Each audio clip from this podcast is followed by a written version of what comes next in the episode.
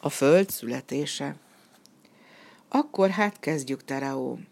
Nem tudom, hány nap kell ahhoz, hogy ledöntsük ezt a hegyet, csak azt tudom, folyó folyik majd innen a messzi északi tengerbe.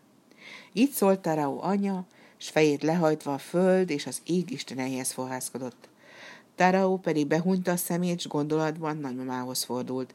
Várj még egy kicsit, nagymama, hamarosan beteljesedik az álmom. Leszállt a nap. Ülj most a nyakamba, Taraó, s fogóckodj meg erősen, mondta az anyja. Azzal felszökkent hatalmas teste, kiemelkedett a tóból. A vízcseppek milliárdjait fecskendezte szanaszét. Az eget fekete gomoly felhők lepték el, vihar kerekedett, megerett az eső.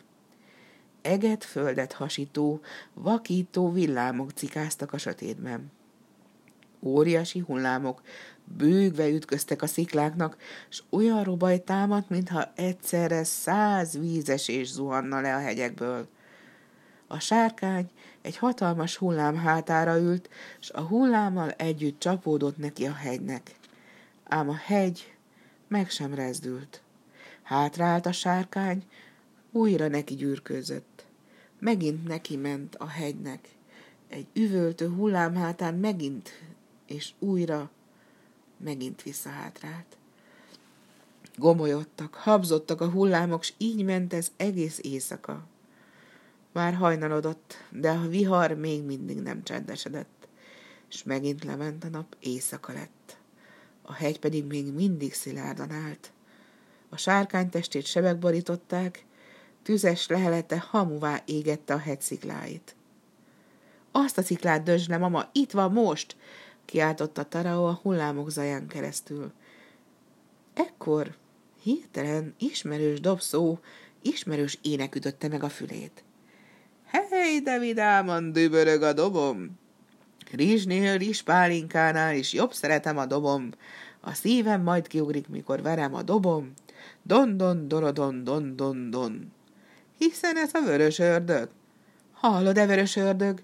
Hívd ide minden mennydörgős barátod, segíts nekünk ledönteni ezt a hegyet.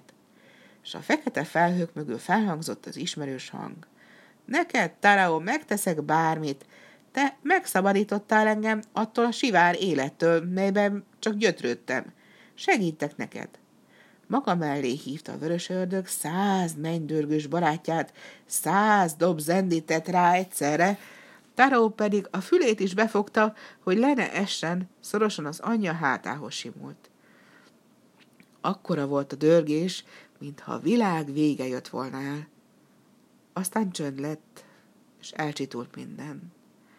Taró kinyitotta a szemét, és látta, ketté hasadt a hegy, mintha óriásira tátotta volna a száját.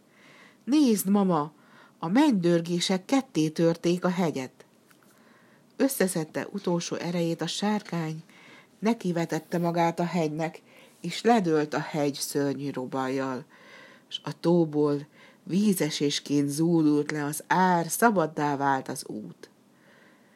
Elől, tetőtől talpig habos vízpermetben a sárkány vágtatott, nyakában táraóval. Utat törve hegyek között, sziklágat döntve, morzsolva, erdőket sodorva maga előtt, zúgva hömpölygött a folyó, és kiderült az ég. A nap fénybe borította a földet. Az új folyó az északi tenger felé hömpölyögtette vízét, csillogtak rajta napsugarak. A messzító helyén pedig egy hatalmas, kerek, termékeny síkság keletkezett.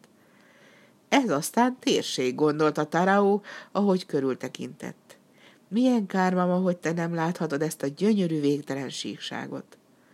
Tarao átölelte az anya nyakát, és sírva fogott. Forró könnyek peregtek a szeméből. Köszönöm neked, mama, te vagy a legnagyszerűbb ember az egész világon. Csupa teste, sába tested, csupa vér, és nem magadért másokért küzdöttél. Köszönöm neked, de hát igazán sárkánynak kell maradnod örökké. Tarao megérintette a sebeket anya testén, könnyei a sárkány vak szemére hullottak, és ekkor csoda történt. A szörnyű sárkány átváltozott törékeny, karcsúasszonyjá. Felnyitotta a szemét, s Taraó előtt ott állt az édesanyja. Köszönöm, Taraó szólt, és kezében tartva a fia kezét sírva fakadt. Te megint emberé tettél. Ha te nem jöttél volna segítségemre egész életemben, a messzító fenekén feküdtem volna vaksötétségben, amelyen nem hatol át egyetlen fénysugár sem. Csak nagy ritkán üvöltöttem volna fel haragomban és gyűlöletemben.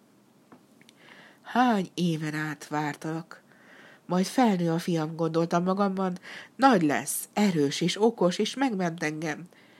És felnőttél, és nagyobb, erősebb, okosabb lettél, mint reméltem. A te barátságod adott nekem erőt a harchoz, azt tett új emberré. E percben megérkezett Aja a fehér lovacskán, gyönyörű fekete szeme elhomályosult a könnyektől, mikor meglátta Taró mamáját. Mama, Taraó, üljetek föl a fehér lovacskára, és vágtassunk oda, ahol a messzító volt. Az emberek már elindultak, lapátokat és elkéket visznek, meg azokat a rizskévéket, amelyeket Taraó ajándékozott nekik. Igen, sietnünk kell, mondta Taraó. A munka még csak most kezdődik. Gyerünk, mama, vár minket a föld. Beültették az emberek a tágas mezőt, s hamarosan aranysárga rizskalászok ringtak a messzító helyén. Mikor pedig betakarították a termést, Aja és Taraó egybekeltek, és az esküvőn mindnyájan vidám ünnepet ültek. Elhívták magukhoz a mamát is, a nagymamát is, Aja nagyapját is, és az összes falubelieiket.